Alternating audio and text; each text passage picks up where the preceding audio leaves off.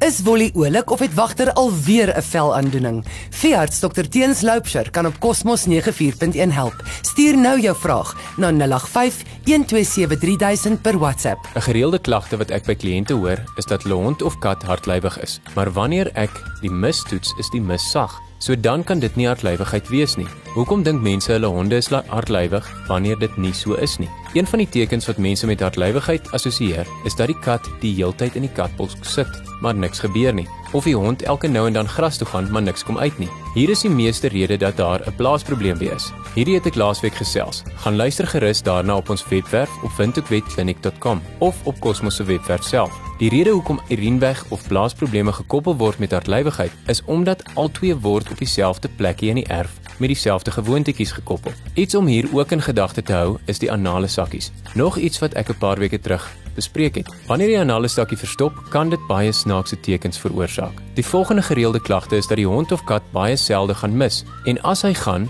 vat hy baie lank. Hier vind ek meer dat die klagte saam met ou diere kom.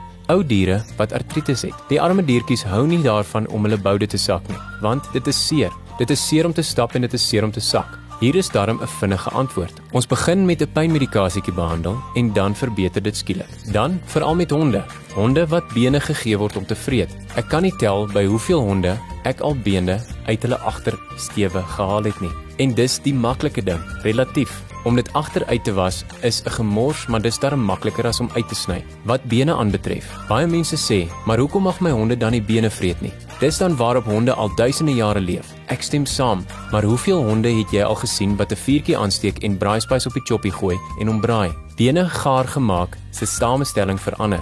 Daarna kan dit nie meer afgebreek word deur die liggaam nie. So as jy regtig voel jy die gevare van die bene wil miskyk en jou hondebene voer, dan asseblief, baie belangrik, koop vir honde hulle eie bene en moet dit nie gaar maak nie. Roubene is natuurlik en so kan dit afgebreek word in die stelsel. Heel aan die einde kom ons by die regte egte hartlywigheid waar die mis regtig hard is. Baie keer is hierdie ook sekondêr tot die vorige bespreekte probleme. Saam met dit kom katte wat hulle hare lek en haarballe vorm. Hierdie katte reageer baie goed met 'n klein bietjie smeermiddel of flakseermiddel. Honde en katte wat regtig egtig verharde mis het en probleme daarmee ondervind, daai is gewoonlik kosverwant. Meeste van hierdie diere kry swak kos, goedkoop kos of menskos. Ja, daar is diere wat hoë kwaliteit hondekos eet wat ook darmprobleme kry, maar die kans is baie kleiner. As mens alles in ag neem, is die prysverskil tussen goedkoop kos en dierkos min of meer 60 sent per kilogram hond se gewig per dag. 60 sent. Jessie, dit is nie te veel nie en dadelik verminder jy drasties jou kanse vir probleme.